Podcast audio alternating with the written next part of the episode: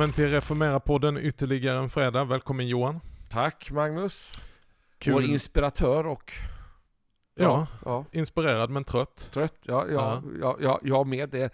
Vi sitter här, det är fredag. Det är en sen fredag Mm. eftermiddag Mm. och eh, en, det har varit en lång, eh, intensiv, spännande, härlig vecka. Ja, men Mm. en vecka också full med utmaningar vill jag säga faktiskt. Mm. To the limit alltså. Mm. Men det är lite, e- egentligen så är det överkursplatt. Det är väldigt skoj att göra det här så att vi, vi, vi gör faktiskt det här nu. Bra. Vi gör det, för vi älskar den här podden och Mm. vi älskar att tänka högt tillsammans Mm. med våra lyssnare Mm.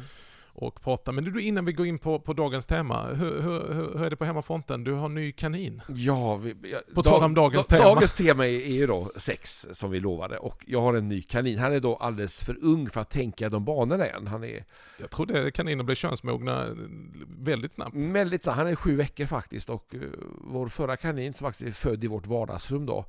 eh, tyvärr var vi tvungna att avliva efter, efter många år. Eh, och det är lite sorgligt. Och då faktiskt bestämde för att åka och köpa en ny kanin med en gång. Men du, ni, ni, har, ni, ni praktiserar någonting som jag väldigt sällan har sett. Ni har alltså så kaninerna lösa i lägenheten emellanåt. Alltså, när jag var yngre, och alltså, när jag fortfarande bodde hemma, då, då hade vi faktiskt en stor kanin lös i lägenheten som var eh, rumsren, som en katt ungefär. Som en hund, som en katt. Ja, som hund, som en katt. Men, men de här de, de bor i bur, vi har dem ganska ofta ute. Kaniner är ju liksom frihetsälskande. På, på, kaniner är mycket intressanta djur tycker jag. De har många bäringar mot den mänskliga naturen. Men de är också frihetsälskande. De vill eh, få springa fritt och skutta runt. Och, Mm. och sen trivs de bra i bur faktiskt. Och, och en kanin som får mycket tid ute eh, har inga problem med att vara i bur. Jag, jag tycker att det är en själv Hur tränar man Johan en kanin att bli rumsren?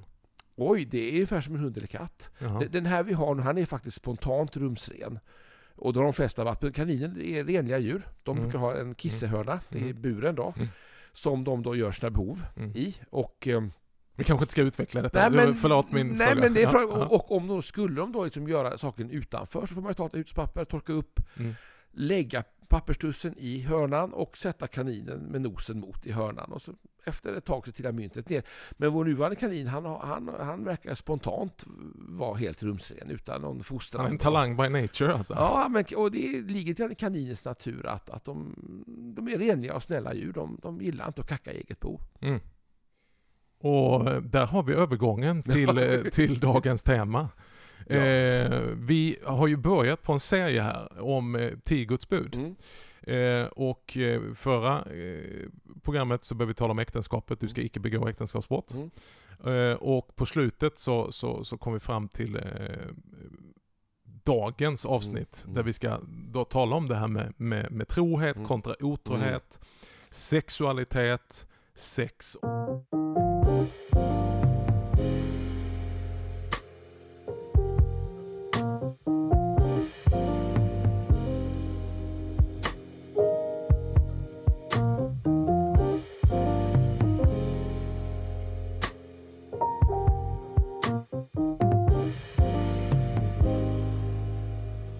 lite förvirrande i dagen när man tittar i samtiden. Vi kan ju bli anklagade som när vi håller en, klassisk biblisk syn på detta och lyfter fram buden då, du ska inte begå äktenskapsbrott. Så kan vi upplevas moraliserande och så säger man, ni ska inte hålla på och moralisera. Fast samtidigt så är ju samtiden full av mor- moraliserande. Eftersom vi ser vad som händer när du bara släpper loss kaninen, Mm. höll jag på att säga. Mm. när, du, när du släpper loss det här med begäret så sker det övergrepp. Det sker att man missbrukar andra människor, skadar sig Mm. själv. Och så, eh, så att det, det är liksom lite dubbla bud, eller vad säger du? Jag håller faktiskt med om det. Vi lever i en väldigt dualistisk tid. För att vi lever i en tid som hyllar den fria sexualiteten och människans individuella frihet. Samtidigt har vi ju en stark moralism, i alla fall i Sverige. När vi ser till sexism i, i uttryck i media, kultur, reklam, också beteenden. Vi har Mm. metoo-upproret. Där, Mm. där, och där, där jämfört med många andra samhällen, vi har väldigt snäva regler. Och också lagstiftningen på området skärps ju hela tiden. Exakt, så man kan, skulle kunna säga å ena sidan normlöshet, å andra Mm. sidan väldigt tydliga Mm. normer Mm. på det där får du inte säga, Mm. så får du inte kalla någon, Mm. det här får du inte göra, då, då ska du hängas ut. Och det är ju egentligen bra. Så det, de här Självklart. normerna är positiva. Ja, ja, ja. Men, Men- att tolka dem utifrån ett perspektiv att om du och jag nu ska säga okej, vad är det egentligen Guds bud säger här nu? Ja, och nu tänker jag att vi är ju två vita medelålders heterosexuella Som har levt gifta. ett långt äktenskap. Ja, du är lite längre än mig, men helt klart. Det lät som du och jag har levt i ett äktenskap. nej, nej, vi har haft varsitt. Så, och det vill säga. och, och, men ganska ja, länge. eh, Och eh, vi uppfyller ju liksom en... Har du varit nära någon gång att avsluta ditt äktenskap? Åh, kära någon, ska jag prata om det? Nej, det behöver du inte göra. Alltså, det- men, det- men, men jag tänker för att, för Ja, att, men det... för att, för att liksom avdramatisera det här. Ja. Nej men äktenskapet, det är svårt att leva ett äktenskap. Och jag menar, det, det är en alltså, du har 50% chans att lyckas. Vi pratade om det här i förra podden. Och det är ett livsprojekt. Och Mm. eh, vad som är utmaningar i, i, i äktenskapet, det är ju inte bara troheten. Det är ju massa Mm, andra aspekter. mm, Hela mm. ens själviskhet, ens inkrökthet exponeras ju väldigt tydligt i äktenskapet. Precis. Jag brukar säga, om Mm. du tror att du är perfekt, gift dig. Tror du fortfarande att Mm. du är perfekt, skaffa barn. Mm. Det finns ju någonting att de framkallar våra sidor där det blir så exponerat, vår själviskhet, Mm. eh, vårt dåliga Mm. tålamod, Mm. Vår brist på eh, att kunna förlåta och, och tänka på någon annans bästa. Ja, och, och sen har vi då det att, att sexualiteten säger vi nu utifrån hur vi tolkar buden i Bibeln och Jesu undervisning och Nya Testamentet hör hemma i äktenskapet. Mm. Och då har du även stoppat in den aspekten Mm. i äktenskapet och, och bundit den där till. Men sexualiteten föds vi med, det finns ju med Mm. väldigt tidigt i livet. Både innan vi gifter oss, medan vi gifter oss och under vi har varit gifta och kanske också efteråt ett äktenskap har gått sönder eller avslutats på något sätt. Mm. Eh, och, och som du sa, det, och det är en svår nöt, för här kommer vi också in på moralismens område, tänker jag. Men innan vi går in på Ja, moralismen, mm. tänker jag, eh, översexualiserar vi både förhållande och människor idag? Oj, jag tror att vi ibland överdriver sexualitetens betydelse. Mm. på gott och ont. Alltså, vi är sexuella varelser och jag har Mm. sett, jag har jobbat med mycket olika typer av människor i utsatthet och jag har verkligen fått se på nära håll hur skadlig sexualiteten kan vara, både för individen och omgivningen, vilket Mm. är väldigt, väldigt tragiskt. Så ibland tycker jag att jag blir nästan provocerad när folk eh, pratar om att vi har en underlivsteologi och Mm. överfokuserar på området. Nu är det viktigt också att säga, så att inte man bara liksom bekräftar den fördomen, Nej. att sex är en gudagåva. Ja, Eh, Så att sex i sig är ju inte någonting fult, skamligt och att alla kyckliga är prydda. Och uh, usch, usch. Det, det. Men, men jag menar hur, stor, hur, vilken vikt vi lägger vid begreppet eller Exakt, företeelsen. Och jag exakt. tänker att det finns två sidor. Alltså, det, alltså, om en människa kommer fel i sexualiteten så att den får bli en, så kan den få enorm kraft i en människas liv och tvinga människor till handlingar som den kanske inte vill begå egentligen. Mm. Och det är enormt tragiskt. Så det finns en kraft i sexualiteten som kan Mm. bryta sönder människan. Mm.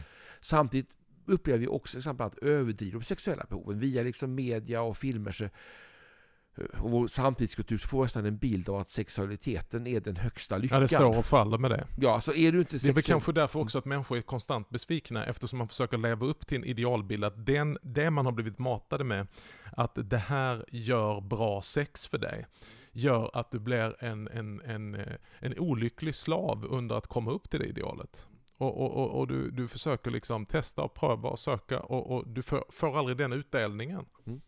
Nej, för, för sex är lite grann som det här, det, det lämnar dig gärna otillfredsställd i tillfredsställelsen. Mm. Alltså jagar du sexuell tillfredsställelse och det perfekta sexet, så, så det, det blir ofta, är min erfarenhet personligen, men också jag ser i vänners liv, eh, det blir ofta ganska tomt. Men det är ju när man frikopplar sex från kärlek.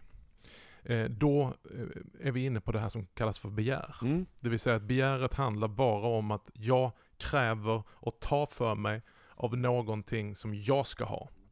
Eh, Medan kärlek, den ger. Och den starkaste bilden vi har på det, det är Guds kärlek. Så älskade Gud världen, vad gjorde han? Att Han han utgav. gav. Mm. Och han gav det finaste han hade. Ehm, och och, och det, på något sätt så är det ju den kärleken som vi strävar efter. Och den kärleken som också är pålitlig.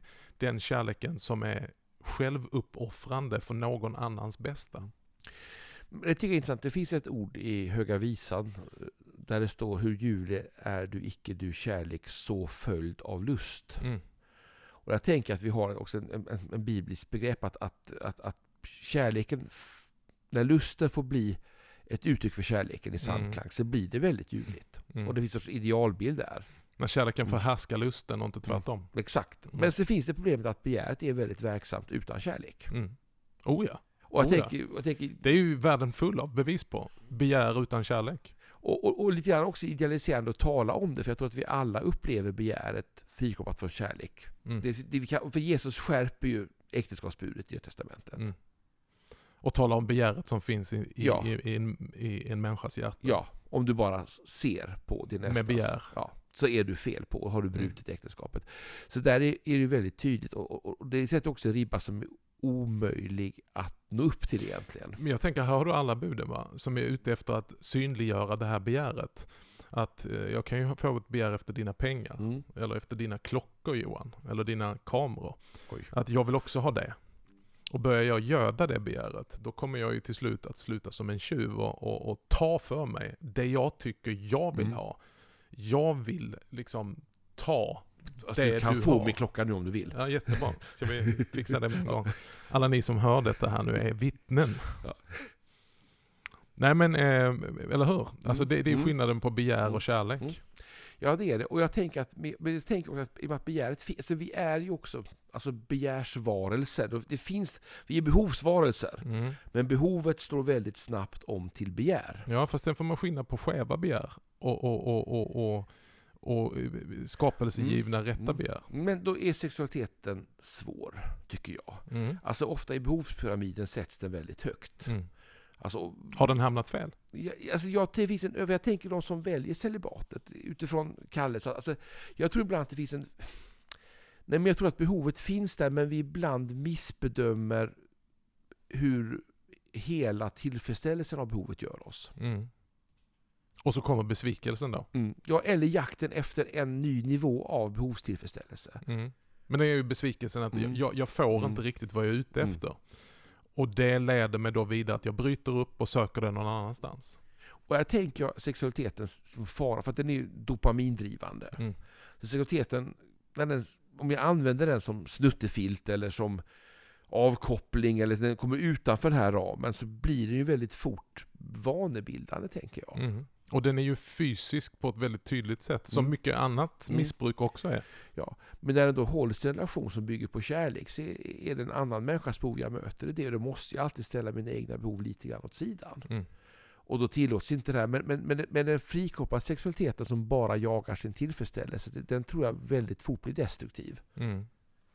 Och kärleken är ju ett annat än det begäret. Mm. Kärleken är villigt självuppoffrande. Den vill någon annans bästa, inte bara mitt eget bästa. Den kräver inte någonting tillbaka.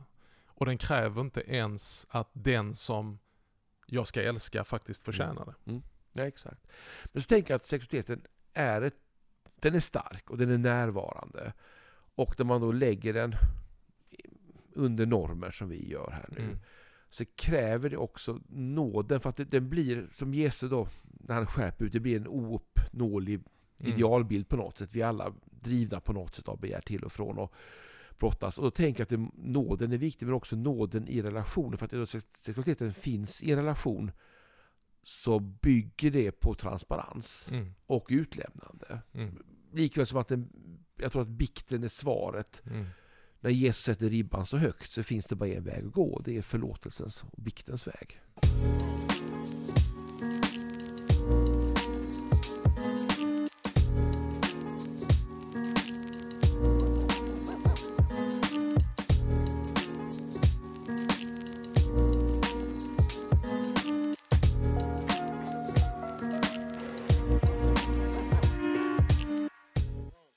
Vi talade ju om avgudadyrkan innan. Är, är, är- är sex en av de stora avgudarna i vårt samhälle? Ja, jag skulle säga sex och relationer. Mm. För här kommer kärleken in. Mm. Och vi pratade också om äktenskapet innan och och äktenskapsbrottet. Du ska Mm. inte bryta. Jag tror, jag, tror att, jag tror att kombinationen av sex och känslor Mm. Är bland de starkaste drivkrafterna. Mm. Och genom att det har blivit en avgud då så har vi ju gjort oss en bild av vad äktenskap är, ett bra äktenskap. Eh, och vilket sexliv vi har eh, som har blivit orimliga och ouppnåeliga kanske. Mm. Ja, och vi, vi pratade, vi pratade tidigare om det här med hur nära just äktenskapet. Och jag tror att det finns en utmaning hos många att om Eh, alltså, min spaning är att människan längtar efter bekräftelse hela tiden. Mm. Det är det stora djupaste behovet vi har. Mm. Och bekräftelsen från en person av motsatta könet, någon som du älskar och åtrår, Mm. det är de kraftigaste bekräftelser du kan få. Mm. När det flyttar ut ur äktenskapet, Mm. då, då har du det här problemet. Mm. Och jag tror att ja, det blir lätt en avgud. Mm. Men i den kraften också så, så, så, så, så ligger äktenskapsbrottet väldigt nära första budet egentligen. Mm. Och där har vi problemet att, att hur talar man om sånt här i sitt äktenskap? Istället, ofta är det ju liksom någon form av tystnad som kommer, locket på, man glider isär från varandra och sen kommer ju den här effekten att man söker den här bekräftelsen någon annanstans. Ja. Alltså jag tror att nyckeln till väldigt mycket lycka i livet är transparens. Mm. Inte minst i äktenskapet. Ibland så säger man så här, eh, vi har sånt problem med vårt äktenskap. Och det, det, det, det, ett, det har alla. Av varierande olika liksom, nivåer av eh, dysfunktionalitet, är kanske ett starkt ord, men, men problem och utmaningar. Men sen är det ju ofta så att det vi kallar för problem i äktenskapet, det är snarare så här att det, det är forumet där också mina problem blir synliga. Det vill säga att det är problem som jag faktiskt har burit i mig, men Mm. som syns i Mm. ett äktenskap. Mm. När två människor så intimt lever tillsammans så blir det platsen där de problemen som jag hade redan innan nu blir synliga och speglas i en annan. Och där tänker jag, tror vi lätt att vi är unika med våra problem. Jag tänker ofta på det ordet, inga andra prövningar möter er som vanligen möter människor. Mm. En realistisk bild av vad det Ja. innebär att vara människa Ja under eh, det fallna tillståndet som människan och världen och skapelsen befinner sig i.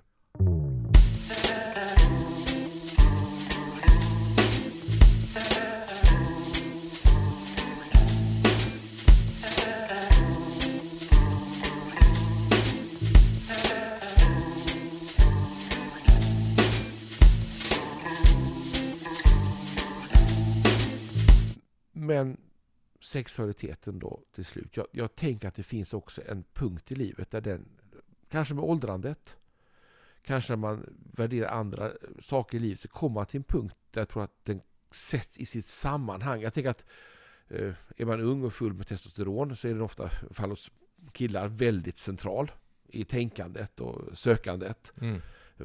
Ta, Ja, nu ska vi inte göra några liksom, nej, genus. eh, Men, genusperspektiv men hos här. den Men, unga människan full av hormoner så är lätt sexualiteten mm, väldigt i fokus. mm, Eh, på gott och ont. Men, men, men, men när mognaden kommer, tänker jag, så finns det också en, en sett till äktenskapet, vad det egentligen handlar om. mm, Men också i mötet av andra människor så, så tänker jag att sexualiseringen av tillvaron avtar Mm. med den mänskliga mognaden. Och då skulle någon säga så här, åh fy vad tråkigt, jag hoppas att jag aldrig blir gammal. Nej, jag, jag, det, det, jag tänkte, vad betyder testosteronet för oss män? Mm. Och då har jag vänner som då har genomgått prostatoperationer, som Mm. många tvingas göra upp i åren. Och då ingår ofta en kemisk kastrering Mm. som i det. Och en del beskriver hur de tappar all livslust, all motivation Mm. på alla livets områden när egentligen sexualdriften försvinner. Mm. Och jag, jag, jag vet, jag, jag är inte där, jag vågar inte ens tänka tanken. Att, att det skulle försvinna? Nej, vad skulle hända med mig? Är, är, är, testosteronet eller den här underliggande driften så viktigt för motivation? Mm. Men alltså, jag, jag, har en spaning här då, och, och det är ju då att ju längre, det, det är ju inte en, det är inte en klyscha att säga att, att det blir bara bättre. Eh, det, det är inte per definition nödvändigt att det ska bli så. Men om man bestämmer sig för att inte ge upp och hålla ihop så finns det en otrolig rikedom att ha delat livet med en människa och lära känna varandra och hitta den tryggheten, den närheten. För att det påverkar ju också sexualiteten. Att sex är inte liksom eh, frikopplat från eh, själen. Från, alltså det är så många andra faktorer som direkt inte har med sex att göra men indirekt också påverkar sexet. Mm. Av trygghet, eh, eh, att slappna av, att känna sig bekräftad för den jag är, inte det jag gör, att eh, känna Mm. att jag är tillräcklig, att jag är omsluten, att jag är omfamnad. Det är ju någonting som inte bara kommer liksom över en kväll va? Nej, det du säger är att, att sexualiteten, när den hittar sin plats i livspusslet, Mm.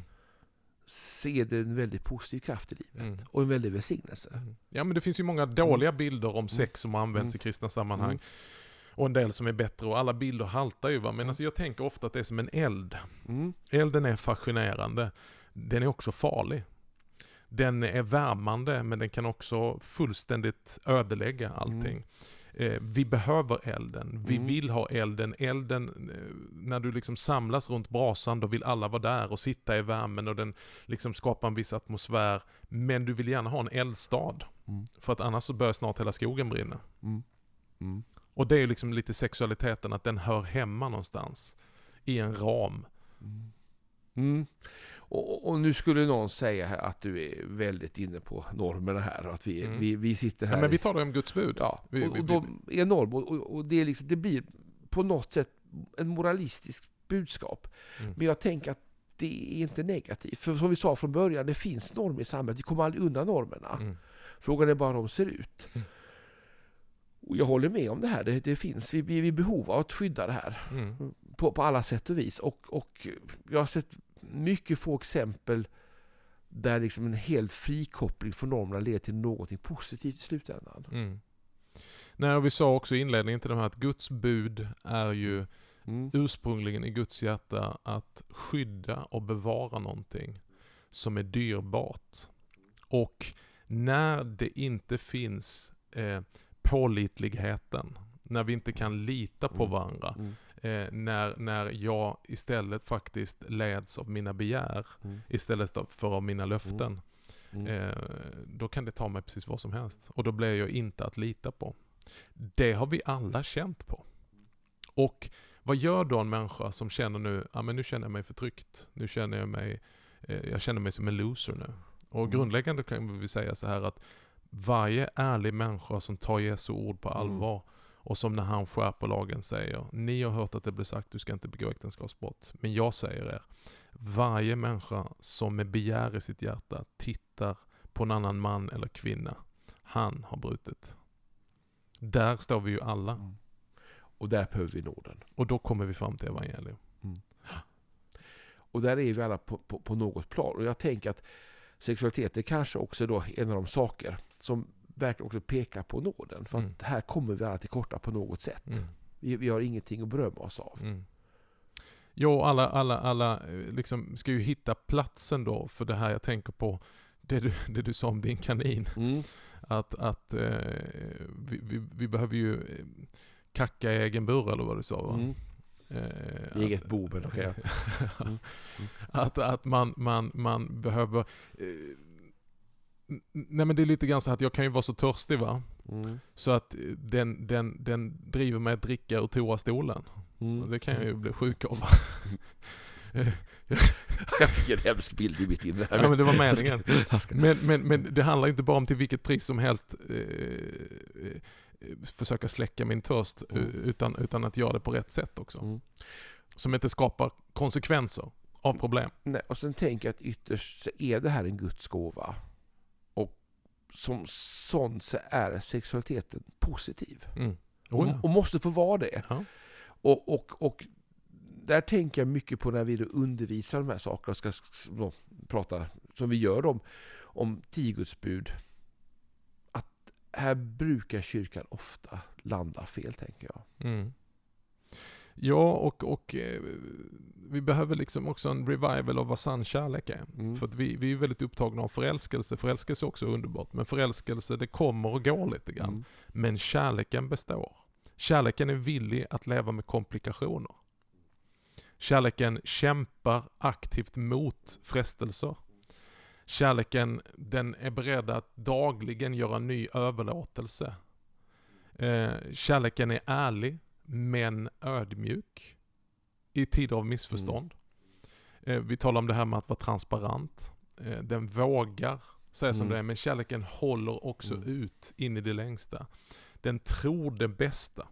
Alltså det är någonting fantastiskt Mm. vackert. Och det är i det sammanhanget, i det möblemanget som vi måste sätta se- sexualiteten. Och vi har, har vi landat det här ämnet? Det, det kan vi knappast ha gjort, men vi, har, men vi har pratat om det. Vi har gjort som vi har utlovat i den här Mm. podden. Tänka högt Mm. och ibland ofärdiga tankar. Mm.